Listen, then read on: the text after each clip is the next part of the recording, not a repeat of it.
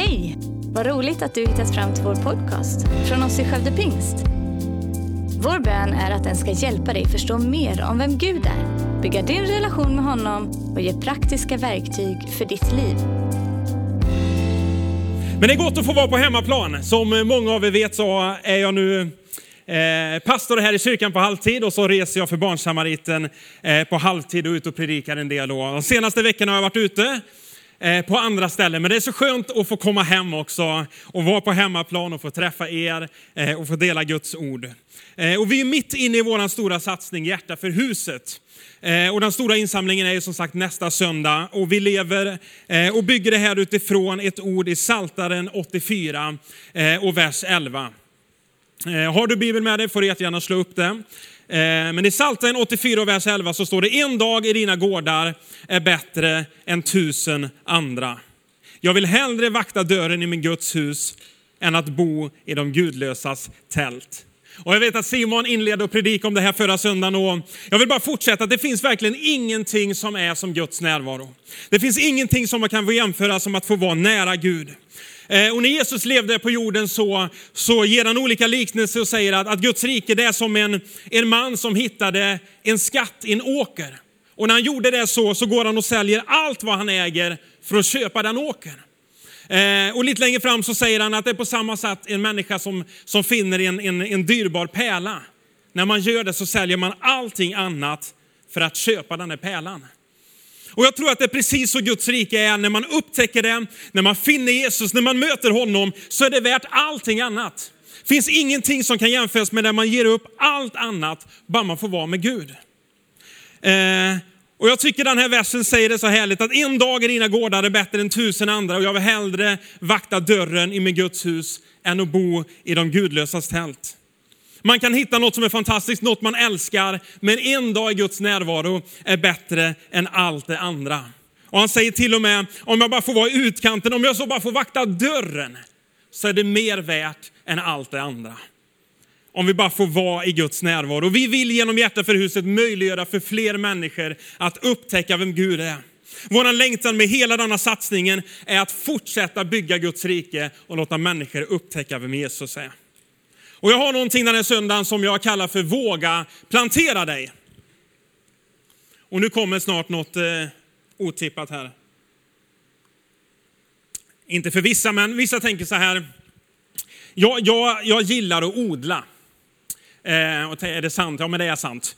Ja, jag tycker det är väldigt kul eh, eh med planteringar, med växter, med träd och sådana här ja, men hemmaodlingar. Och hemma så, så älskar vi också att odla. Vi planterar frön, vi tar så här, du vet, sticklingar, vi hittar någon apelsin, tar ut kärnan, planterar och vi tycker det är kul att se vad som händer när man stoppar ner i jorden, när man vattnar, eh, när man pratar med dem, eh, när man liksom bara tar hand om dem. För det händer någonting och så kommer det upp någonting som inte alls ser ut som det som man stoppade ner.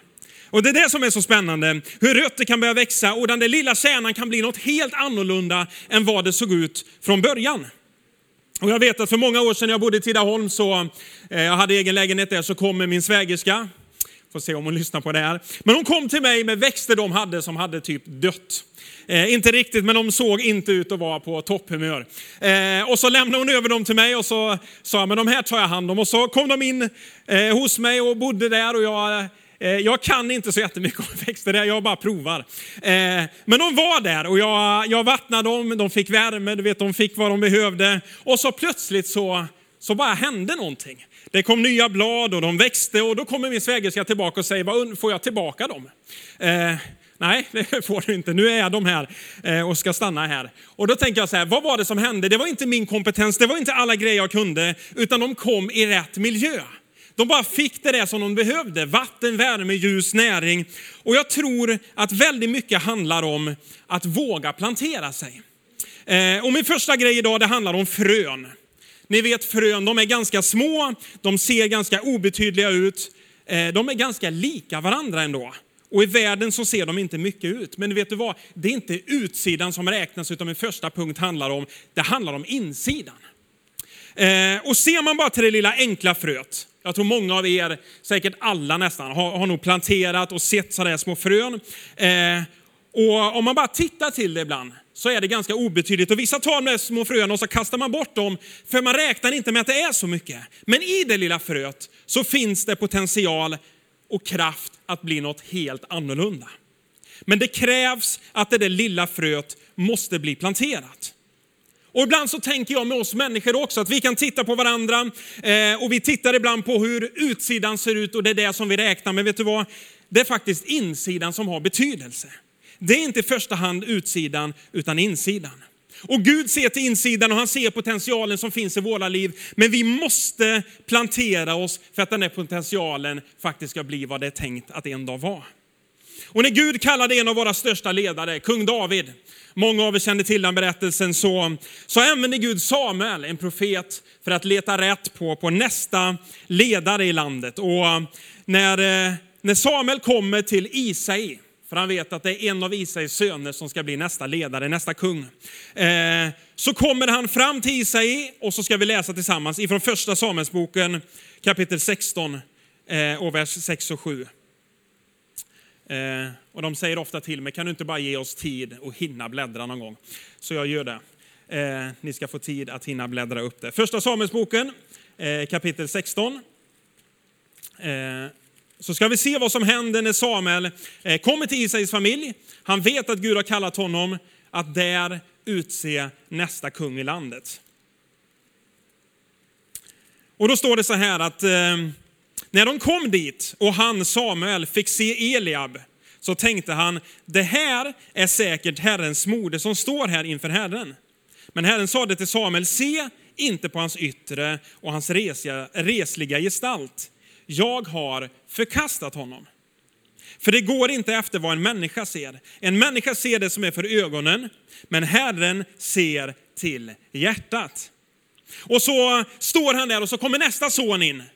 Och Samuel tittar på honom, men Gud säger inte heller honom. Och så kommer nästa son, inte heller honom. Och så kommer nästa son, inte heller honom. Och till slut så har alla söner kommit då. Och Samuel frågar, finns det då ingen mer? Och Israel säger, ja men det finns en kille kvar. Han är ute liksom på, på um, ängarna, han är ute med fåren, han är där. Eh, och Samuel säger, jag går inte förrän du hämtar honom. Och då står det i vers 12 att Isai sände då bud och hämtade David. Han hade röda kinder och vackra ögon och så bra ut. Gå fram och smörj honom, sa Herren, för han är det. Eh, och den här berättelsen har jag läst så många gånger och jag inser att mänskligt sett så var det inte David. Det som var för ögonen så hade man så många alternativ innan man kommer fram till David. Man tittar på hans eh, liksom, äldste sonen, den reslige, den, den, den självklara ledaren, men Herren säger det är inte han. Och man säger, men nästa då? Ja men det är inte han. Ja men nästa då? Nej men inte han heller. Och så kommer sju söner in. Är det ingen av dem? Ingen är det. För Herren ser inte på utsidan i första hand. Han ser vad som finns på insidan. Och så många gånger så, så tänker jag det på våra liv också. Vi har så lätt som människor när vi ska se ledare eller olika i kyrkan av att, ja men den är han självklar eller den. Men så har Herren tänkt någon helt annan. För det som räknas är inte utsidan utan vad som finns på insidan. Och kanske finns det människor i vår närhet och kanske sitter du i en av våra hubbar idag eller eh, framför skärmen och tittar och tänker jag är ingenting, men vet du vad? Jag tror att det Gud har planterat i ditt liv är något helt fantastiskt. Men det måste ges till Gud innan det kan bli vad det är tänkt. Vi måste våga plantera det, för det handlar om insidan. Och min andra punkt handlar just om fröet måste bli planterat. Att om vi inte gör någonting så kan det lilla fröet som det finns sån enorm potential i, om det bara ligger där så händer ingenting. Det där fröet kommer ligga där på bordet och torka bort om vi väljer att inte göra någonting. Men om vi väljer att plantera fröet så kan det hända något enormt. Om man tittar på fröet och tycker att det här är bara ett runt eller liksom ovalt litet frö och det ser inte mycket ut. Men i det så finns det kraft att kunna bli en fantastisk blomma. Eller en buske eller till och med ett träd, någonting enormt. Men det krävs att fröet stoppas ner i jorden. Och jag tänker i våra liv också att du och jag, vi är som små frön i oss själva så är vi inte mycket. I den här världen så är vi ganska obetydliga. Men om vi vågar ge upp våra egna liv, om vi vågar ge upp våra egna drömmar och ge våra liv till Gud, så kan något fantastiskt hända. Och jag tror att Gud som har skapat oss, det är först när vi kommer in i hans miljö som vi faktiskt kan bli vad han har tänkt för oss. Och det är så spännande att, att, att se att när en människa ger sitt liv till Gud så kan det faktiskt bli någonting som vi inte ens har kunnat drömma om innan. Och det är så många människor vi har sett i kyrkan som har kommit hit och när man planterar sig och börjar göra det som Gud har lagt ner så är det gåvor som bara blomstrar ut. Och man ser hur människor bara skiner och blir något helt annat än vad det var innan. Varför då? Därför att de mötte Gud. Därför att de valde att plantera sig och ge sina liv till honom. När Jesus vandrar ner på jorden så, strax innan han ska dö så, så ger han en bild. Eh, I Johannes kapitel 12 och vers 24. Eh, och ni ska få möjlighet att, eh, att bläddra upp det också. Johannes 12 eh, och vers 24. Så talar Jesus om att han har kommit hit till världen för att ge sitt liv så att vi skulle kunna få förlåtelse och komma till Gud. Eh, och i vers 24 så säger han så här, jag säger er sanningen, om vetekornet inte faller ner i jorden och dör, så förblir det ett ensamt korn. Men om det dör så bär det rik frukt. Det är ganska fascinerande. Jesus säger om vetekornet inte kommer ner i jorden, utan om det blir liggande där så är det ett ensamt korn där det kommer inte ske någonting. Men om det där vetekornet faktiskt faller ner i jorden och dör bort för sina egna försök, sina egna drömmar, sina egna liksom, eh, liv, så blir det någonting fantastiskt. Om det bara kan planteras, om det bara faller ner i jorden så kommer det bära rik frukt. Och vi vet att det handlade om Jesus. Vi vet att när han gav sitt liv så, så gav det liv till oss. När han valde att ge sitt liv så blev det seger för varje människa som sätter sin tro till Jesus. Men jag tror att det bibelordet också talar till oss idag. Att när vi ger upp våra liv till Gud så kommer våra liv att bära rik frukt för andra människor. Men det handlar om att vi måste våga ge upp våra egna försök. I Galaterbrevet kapitel 2, vers 20 så säger Paulus så här, jag är korsfäst med Kristus och nu lever inte det längre jag, utan Kristus lever i mig. Paulus visste att i mig själv så kommer jag inte kunna göra det jag kallar till. I mitt eget liv kommer jag aldrig förmå det Gud har tänkt för mig. Men när jag ger upp mitt eget liv, när jag faktiskt dör bort ifrån mig själv, när jag väljer att leva för Kristus, så bara hände någonting i Paulus liv. Han blev allt det som Gud hade tänkt för honom. Innan så var han en förföljare av församlingen. Det står att han andades modlust, han levde ett destruktivt liv. Men så mötte han Jesus. Och så valde han att ge sitt liv till honom. Han valde genom dopet att dö, att begrava sitt gamla liv och så uppstod han till ett nytt liv tillsammans med Kristus. Och så är han kanske en av dem som har påverkat kyrkan genom alla tider, allra flest efter Jesus. Varför då? För att han valde att plantera sig. För att han valde att det liv som han hade, sitt frö, skulle bli planterat. Jag tror att utmaningen ligger till oss också att våga plantera sig. Att våga ge upp sina egna försök och faktiskt bli vad Gud har tänkt för oss. Punkt nummer tre idag handlar om att miljön spelar roll.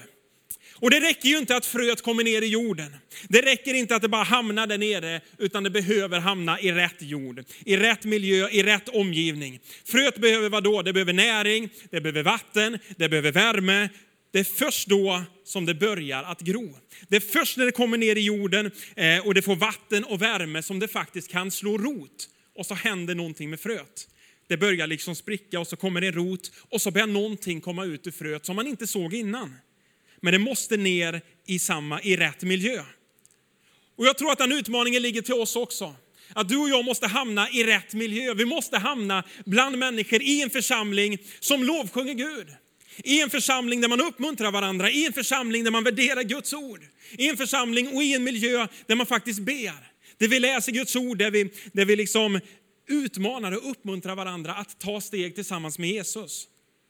Jag tror att det är en nyckel i att vi ska kunna utvecklas och bli det som Gud har tänkt för oss. Hamnar man i en miljö där det bara är torrt, där det inte finns något vatten, så torkar det där fröet också bort. Eller kommer det ingen värme utan det fryser så, så dör också fröet. Men när fröet kommer i en miljö där man läser Bibeln, där man lovsjunger Gud, där man ber tillsammans, där man delar gemenskapen, där man delar livet, så händer någonting med det där fröet och alla förutsättningar finns för att det skulle växa till och bli någonting fantastiskt. Och jag tror Att Gud har valt sin kyrka. Jag tror att Gud har valt församlingen som redskapet han verkar i här på jorden. Jag kan bli allergisk ibland när jag hör människor som säger att jag har Kristus, jag behöver ingen församling. Det är som att säga att jag behöver huvudet men jag, kroppen är jag inte intresserad av. Vet du vad? Det går inte att skilja på Kristus och församlingen. Det är ett. Vi kan inte välja att jag vill bara ha huvudet men inte kroppen. Är vi tillsammans med Kristus så är vi en del av församlingen. Och jag tror att vi idag mer än någonsin behöver inse att vi är människor med fel och brister. Men vi väljer att plantera oss i en miljö med andra människor som också är fullkomliga för att vi tillsammans kan bli någonting tillsammans med Gud.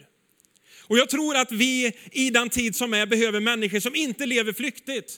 Människor som säger så här, men du vet du vad, jag vill inte bestämma mig för det kanske är bättre här borta. Eller vet du vad, den här veckan nu känns det bättre, jag flyttar hit. Eller nu vill jag vara med i den församlingen. Eller det här sammanhanget. Jag tror att vi behöver människor som bestämmer sig. Människor som vågar plantera sig, som sätter ner fötterna och säger, vet du vad, här vill jag vara med och bygga. Här vill jag plantera mig, här vill jag vara med och ge värme, vatten, näring. Här vill jag faktiskt bli en del i det här sammanhanget. Jag tror att det är det som krävs i den tid som nu är. Människor som överlåter sig, människor som bestämmer sig, människor som gör skillnad för andra. Vi behöver gemenskapen, vi behöver varandra. Men jag tror också det är så här att, jag ska ta sista punkten som, som faktiskt går in i att rötterna har väldigt stor betydelse, eller rötterna avgör. Därför att även om det där fröet har kommit ner i jorden, även om det kommer i en miljö där det får vatten, värme, gemenskap och allt, bibelläsning och lovsång, så behöver rötterna växa till. För att om det går för fort och inte rötterna hinner växa till och hettan blir för stark eller solen kommer, så kan det där fröet torka i alla fall. Eller om det blir en tid när det inte regnar och det inte kommer vatten, så kan det där fröet torka i alla fall. Rötterna är av väldigt stor betydelse. Och rötter gör att växten faktiskt står stark, även om det kommer tider av torka. För om rötterna har växt sig starkt ner och långt ner i jorden, så klarar de att behålla mycket vatten. Och ibland så är det så att de har gått så djupt att de får vatten i alla fall. Och vet du vad, när det blir stormigt ibland så klarar den växten att stå stark i alla fall. Varför då? Därför att de djupa rötterna gör att även om det svajar där uppe, så står växten stark ändå. Och även om det är tuffa tider så, så klarar de växterna att vara med så länge rötterna är starka i Gud. Eh, och rötter, så här, men vad är rötter för någonting? Jag tror att rötter eh, kommer och växer när vi spenderar tid tillsammans med Gud. Och i Jeremia kapitel 17 och vers 7-8 så eh, ges så en, en, en fantastisk bild. I Jeremia 17 och 7-8 så, eh, så står det så här att när ehm, Välsignad står det, men välsignad är den man som förtröstar på Herren, den som har Herren till sin förtröstan. Han är som ett träd planterat vid vatten och som sträcker ut sina rötter till bäcken. Det fruktar inte om hetta kommer, dess löv är alltid gröna. Det blir inte förskräckt om ett torrt år kommer och det upphör aldrig att bära frukt. Det finns några olika översättningar där, men jag tycker det är fantastiskt. Vem är det som har det där, de som litar till Herren? De som har Herren till sin trygghet, att då är man som ett träd planterat vid vatten. Att även om det kommer hetta, även om det är liksom torra år, så kommer löven alltid vara gröna och det slutar aldrig att bära frukt. Varför då? Därför att man litar på Herren. Och rötterna har då blivit så starka att de ändå suger upp vatten. De ändå klarar att behålla vatten. Och det är utmaningen till dig och mig. Låt oss alltid plantera oss och sträcka oss efter mer av Gud. Låt oss inte bara finnas i en bra gemenskap, utan låt oss dela bibelläsningen. Låt oss få be tillsammans, låt oss lovsjunga tillsammans, låt oss dela livet. Jag tror att det är av yttersta vikt för att få de där rötterna. Jag tror att vi behöver göra det tillsammans som församling. Jag tror att vi behöver göra det enskilt som människor. Att sträcka sig efter Gud och låta ens rötter få bli starkare, större och djupare för varje dag som går. I psalm 1 och vers 1-3 så står det, salig är den som inte följer de gudlösas råd. Som inte går på syndarens väg eller sitter bland eh, föraktare, utan har sin glädje i Herrens undervisning och begrundar hans ord både dag och natt. Han är som ett träd planterat vid vattenbäckar, som bär sin frukt i rätt tid och vars löv inte vissnar. Allt vad han gör, det lyckas väl. Vem då? Den som läser Guds ord.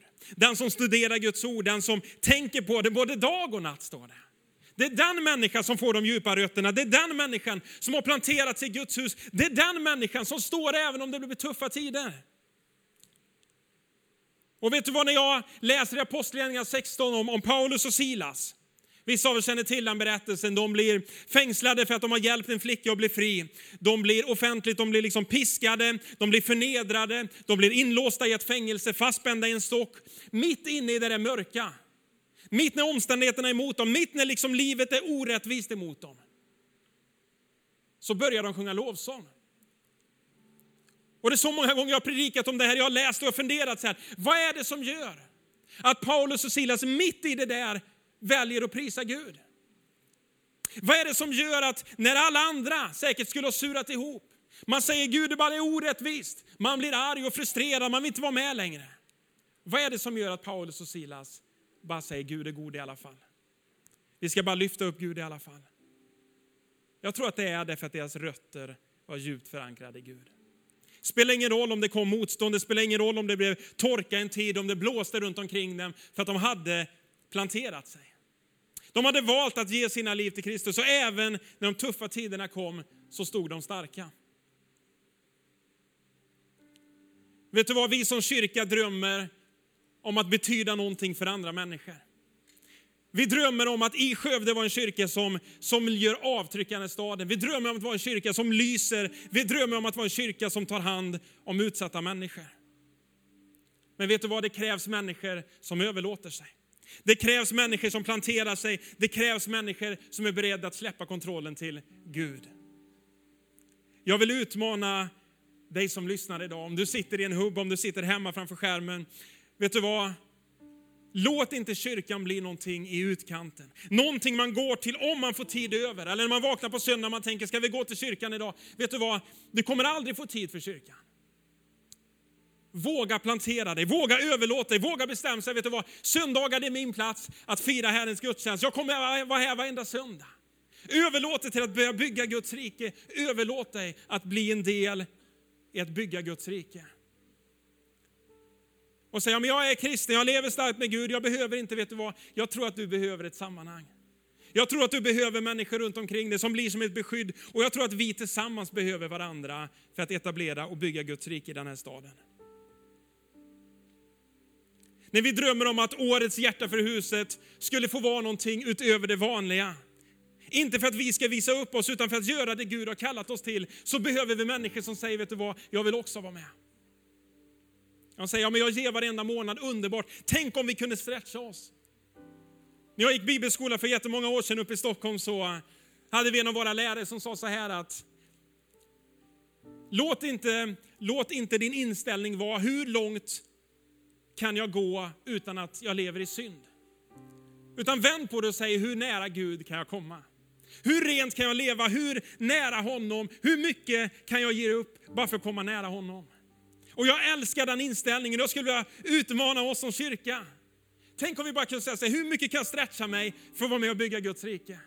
Kan jag ge lite mer? Kan jag överlåta mig lite mer? Inte så att det blir något osunt, men i att vara med och se andra människor få möta Gud. I att få vara med och bygga en församling som faktiskt bygger Guds rike. En församling som vinner människor, en församling som tar hand om trasiga människor, en församling som lyser Jesus och är hopp mitt i Skövde i den tid vi lever i. Det står i psalm 92, vers eh, 13-16 så här. De rättfärdiga, de grönska som palmer. De växer som sedra på Libanon, planterade i Herrens hus. Grönskar på vår Guds förgårdar. Även vid hög ålder bär de frukt. De frodas och grönskar för att förkunna att Herren, min klippa, är rättfärdig. Ingen orätt finns i honom. Vilka var det, de som var planterade i Herrens hus? Även vid hög ålder så bär de frukt. Vet du min fråga till dig idag, vill du vara med? Vill du vara med och bygga Guds rike? Vill du vara med att få se en församling resa sig och lysa Jesus i Skövde? Vi är inte nöjda med det vi ser idag, vi längtar alltid efter mer. Vi längtar efter att se fler människor möta Jesus. Fler människor döpa sig, fler människor få upptäcka livet med honom. Det är det vi lever för. Men jag tror att det krävs att vi vågar plantera oss. Tack för att du lyssnat. Dela gärna podden med dina vänner och glöm inte att prenumerera så du inte missar nästa predikan. Om du har några frågor eller vill att vi ska be eller tacka för något tillsammans med dig så får du gärna höra av dig till kyrkan skövdepingst.se. För oss är veckans höjdpunkt söndagens gudstjänst och det vore så kul att träffa dig där. Våra team finns då redo att ta emot dig och det finns även egna samlingar för barnen.